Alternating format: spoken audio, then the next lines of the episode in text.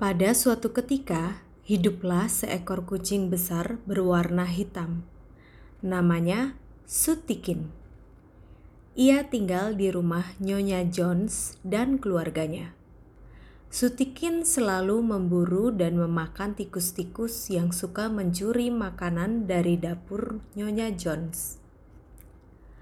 Sutikin memang seekor kucing yang baik. Matanya berwarna hijau dan kumisnya putih seperti salju. Ia suka mendengkur dan sangat senang bila diusap-usap tubuhnya. Tetapi tak seorang pun penghuni rumah Nyonya Jones suka mengelus dan mengusap kucing yang malang itu. Hilda dan Ronnie kurang menyukai binatang. Sedang Nyonya Jones sering kali membentaknya bila ia mengeong waktu Nyonya Jones memasak ikan. Di samping rumah keluarga Jones, hiduplah seorang anak-anak bernama Billy. Billy sangat menyayangi Sutikin. Sutikin dianggapnya kucing yang paling bagus di dunia. Setiap hari Billy selalu menunggu kedatangan Sutikin dan membelainya.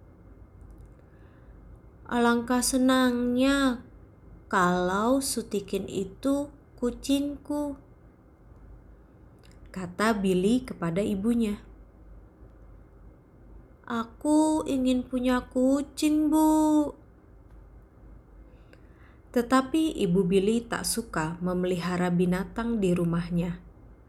Meskipun demikian, pernah beliau mengatakan bahwa beliau suka pada Sutikin dan ingin Sutikin memburu tikus-tikus yang sering berkeliaran di dapurnya.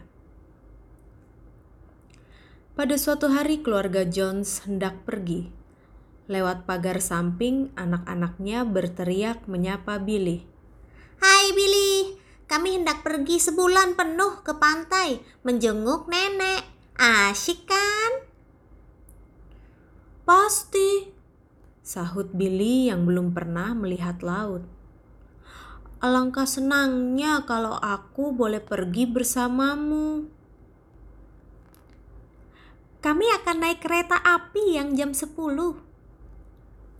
Tambah Hilda. Kalau kami sampai di sana, kau pasti kukirimi kartu pos.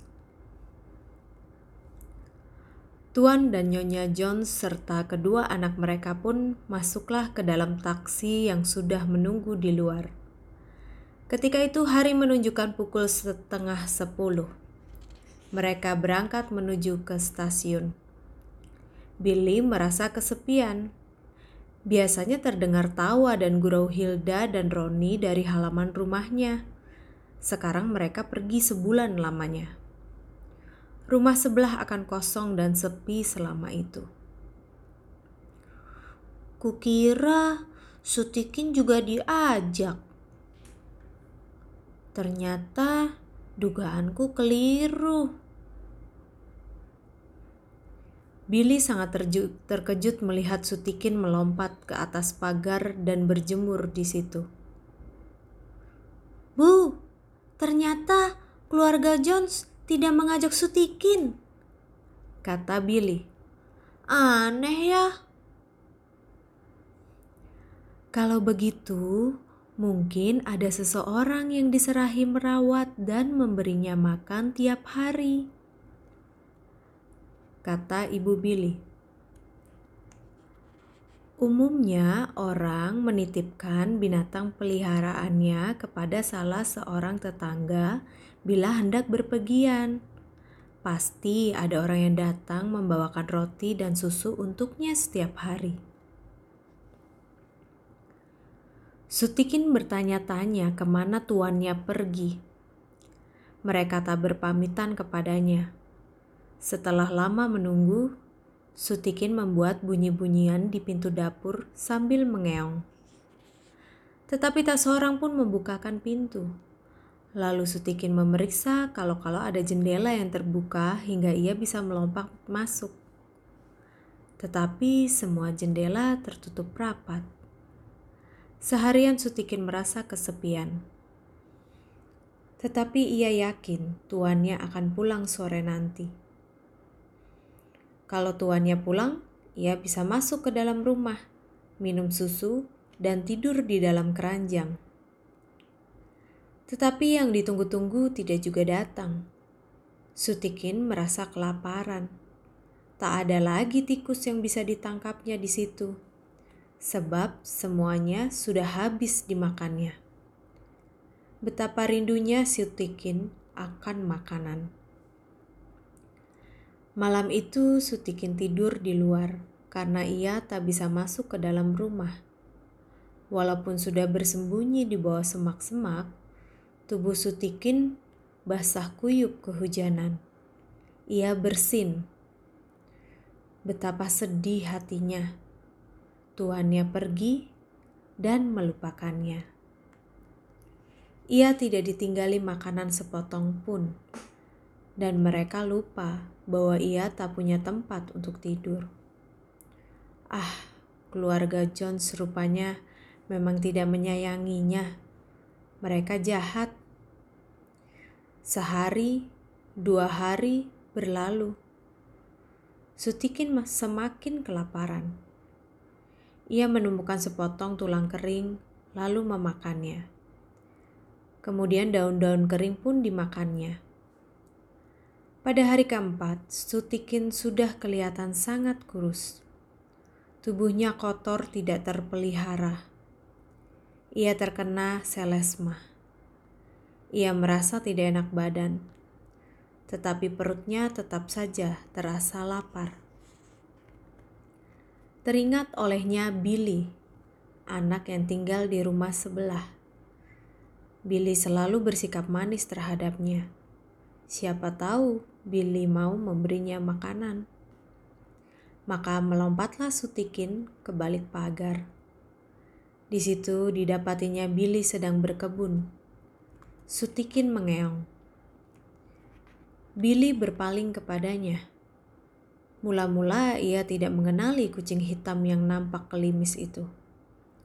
Biasanya Sutikin berbulu lembut dan bersih.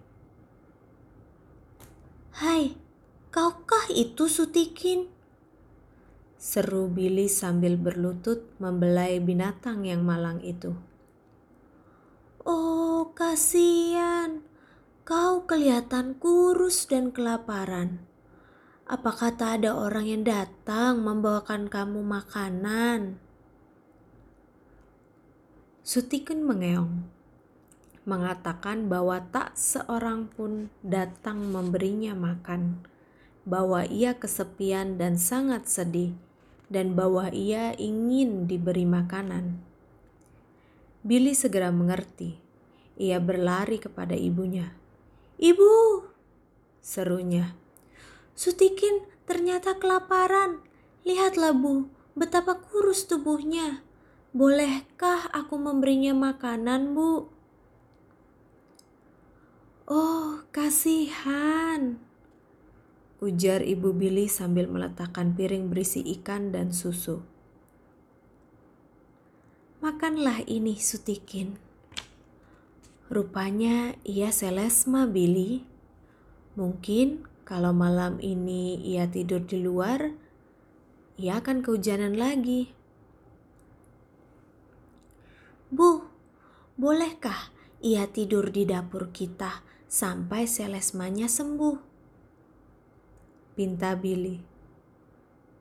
Ibunya mengangguk. Ibu Billy baik hati. Ia tak ingin Sutikin lebih menderita lagi. Ingin rasanya perempuan itu marah pada Nyonya Jones yang melupakan kucingnya begitu saja. Sutikin sangat girang. Makannya lahap dan tak lama kemudian ia merasa tubuhnya mulai sehat kembali. Dibersihkannya tubuhnya hingga bulu halusnya menjadi mengkilat. Lalu ia melompat ke dalam kotak kardus yang telah disediakan Billy dan tidur dengan pulasnya di sana. Semalaman ia tertidur. Keesokan harinya ia diberi makanan yang lezat dan malam harinya ia tidur lagi di dapur ibu Billy.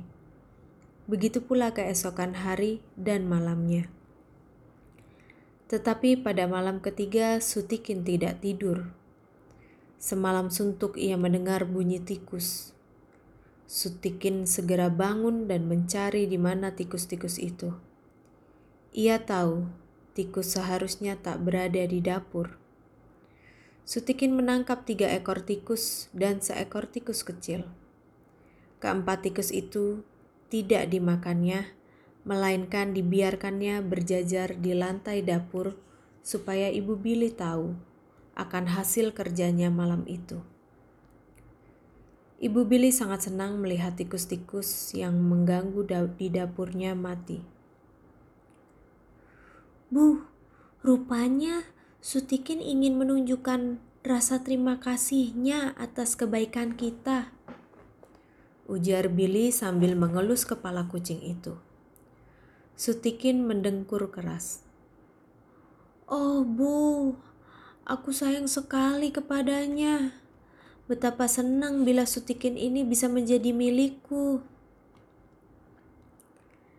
Keluarga Jones tentu menginginkannya kembali bila mereka datang nanti, kata ibu. Bermainlah sepuas-puasnya bersama Sutikin selama mereka belum kembali. Ibu kurang senang melihat cara mereka melupakan kucingnya seperti itu. Tapi tahukah kau, ketika keluarga Jones pulang, Sutikin tak mau kembali ke rumah mereka. Setiap kali Billy meletakkannya di halaman rumah keluarga Jones, setiap kali pula Sutikin kembali ke rumah Billy. Sutikin, kamu tak mau tinggal di rumah kami? Kata Hilda. Dasar kucing bodoh, tak tahu di mana rumah yang sebenarnya. Ah, bukan begitu. Kalianlah yang tak menganggapnya kucing kalian, melupakan Sutikin begitu saja. Sahut Billy. Orang-orang seperti kalian tak pantas mempunyai kucing semanis Sutikin. Sebaiknya Sutikin tinggal bersama kami dan bukan bersama kalian. Tanpa harus diberitahu, Sutikin telah memutuskan untuk tinggal selamanya di rumah Billy. Ia tak mau kembali ke rumah keluarga Jones. Mengunjungi halamannya pun ia tak pernah lagi. Ia selalu berada di dekat Billy. Kucing selalu sayang kepada orang yang baik. Aku jadi kucingmu sekarang, Billy, dan kau adalah tuanku, dengkur Sutikin. Billy dan Sutikin sama-sama senang saling memiliki.